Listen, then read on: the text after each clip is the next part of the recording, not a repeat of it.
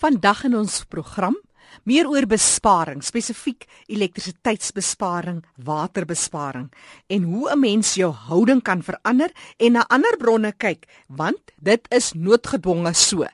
Ek gesels nou met Dr Marco Lots. Hy is 'n volhoubaarheidskoolstof-spesialis by Netbank Suid-Afrika.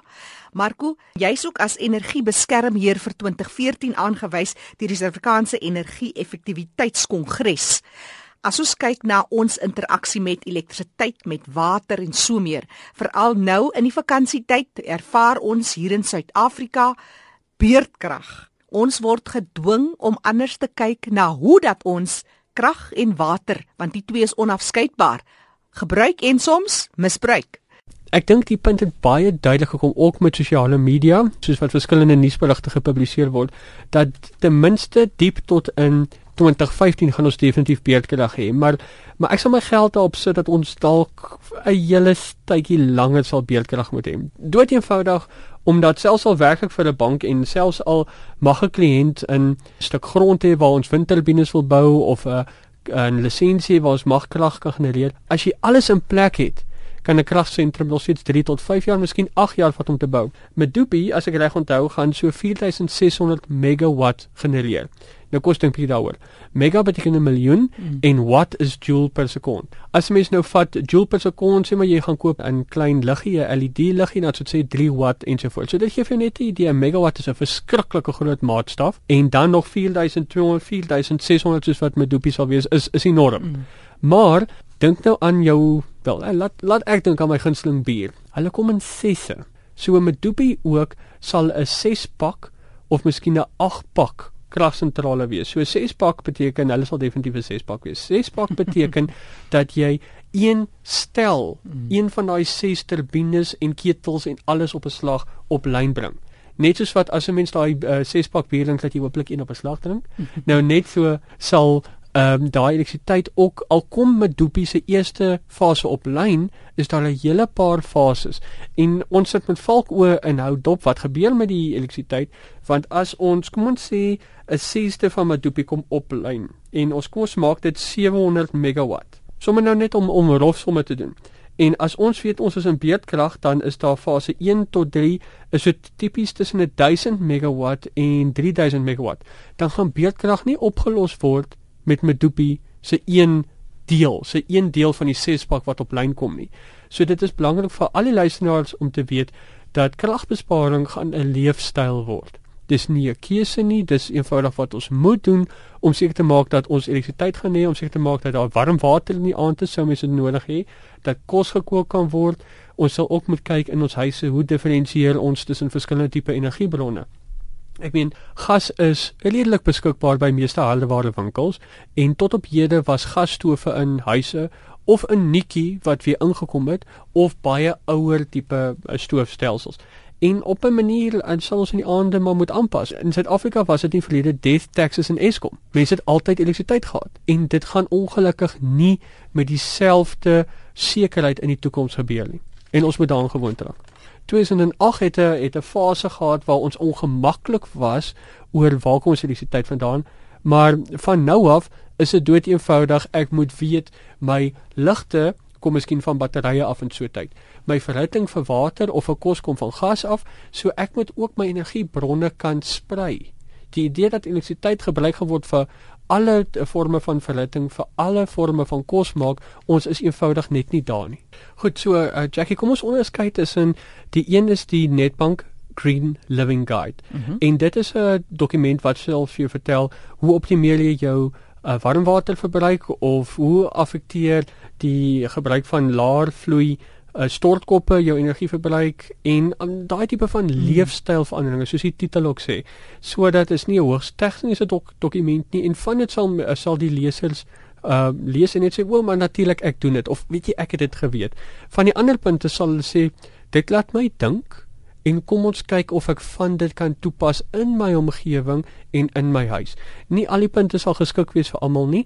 Vat byvoorbeeld die uh vermindering of die toilette wat uh soos hulle in Engels sê die dual flush die twee tipe spoel, die lang spoel en die kort spoel.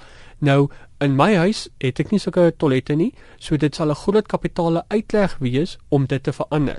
Maar daar is ander maniere om dit. Daar is 'n manier om mens bietjie water kan spaar.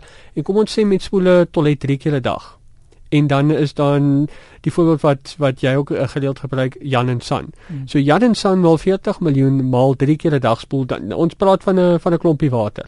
En 'n tipiese spoel van 'n toilet kan tot 12 liter water wees. So drie spoele is 36 liter. Hmm. Nou dink net aan jou gunsteling ehm um, vir soete drankie as jy dit in 2 liter bottels moet uitpak. Dis miskien 16 of 18 of 20 bottels wat jy op jou tafel kan sit en dit is net 'n paar spoele in 'n badkamer. Maar dis soos jy sê te reg Marco. Dit laat jou net dink, dit laat jou twee keer dink oor sekere goed, maar dit laat my nou net juis dink oor 'n ou ding. Wat van die baksteen daar in die in die waterbak? Werk dit reg? Weet jy, dit is nog steeds een van die maklikste en goedkoopste maniere om watergebruik te verminder.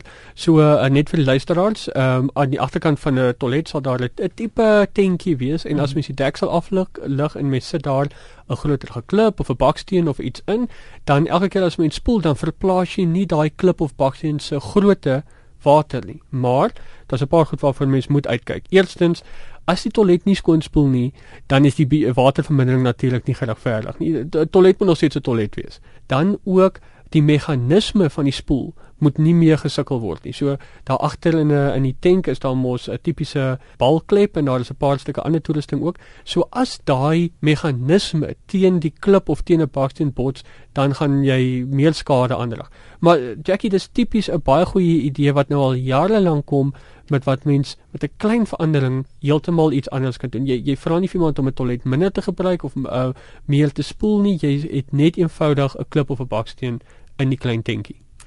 Dis dokter Marco Lotse vandag kuier hier in die ateljee en sy kundigheid met ons deel. Hy is ons energiebeskermheer.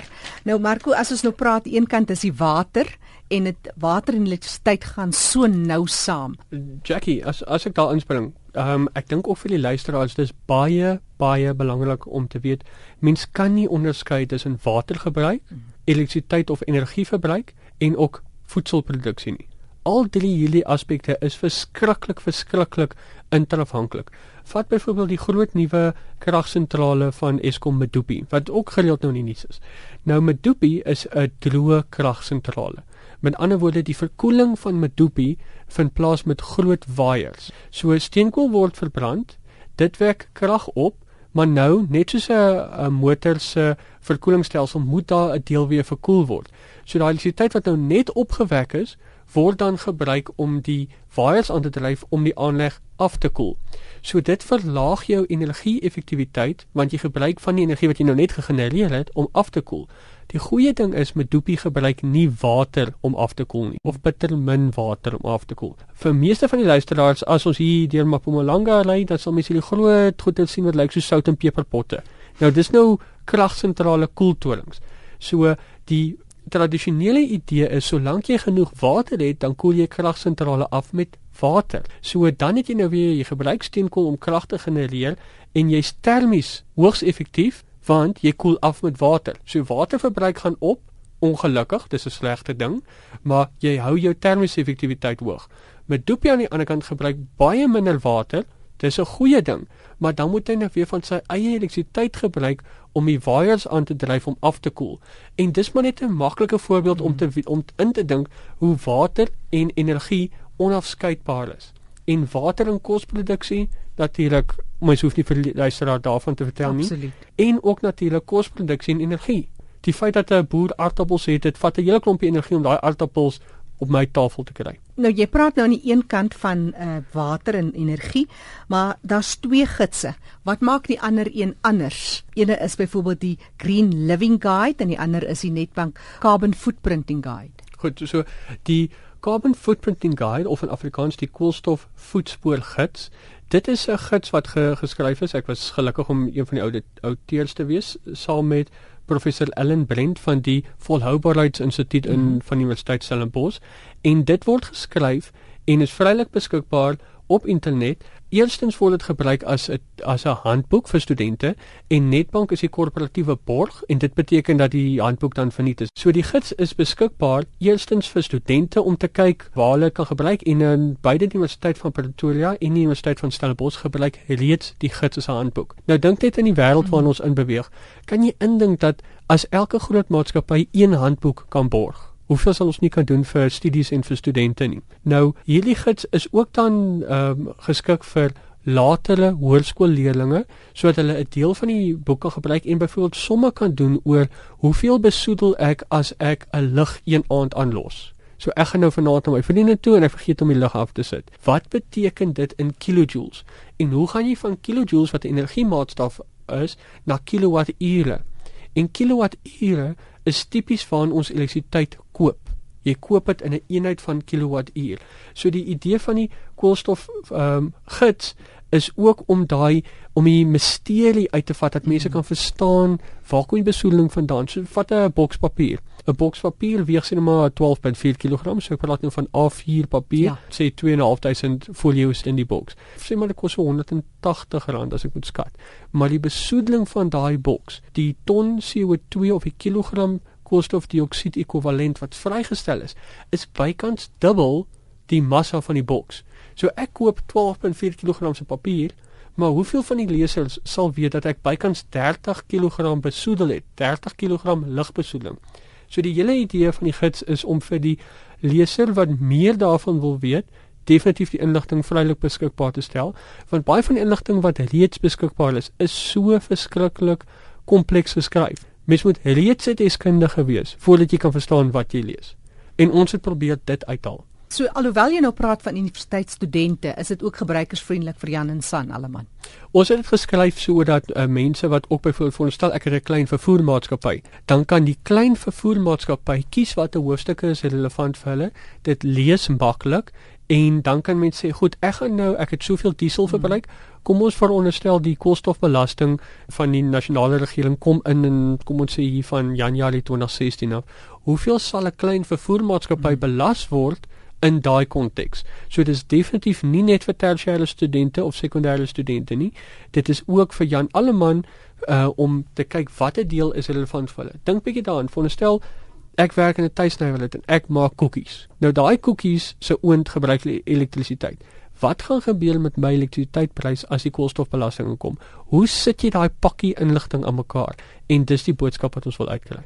Volhoubaarheid is een van die gonswoorde wat ons al hoe meer hoor, maar hier is 'n praktiese gids hoe om jou volhoubaarheids- en besparingstegnieke tot uitvoer te bring. So gemaak 'n draai op ons webtuiste erisg.co.za en daar sal jy 'n skakel kry na hierdie koolstofvoetspoor gids en die groen leefstyl gids.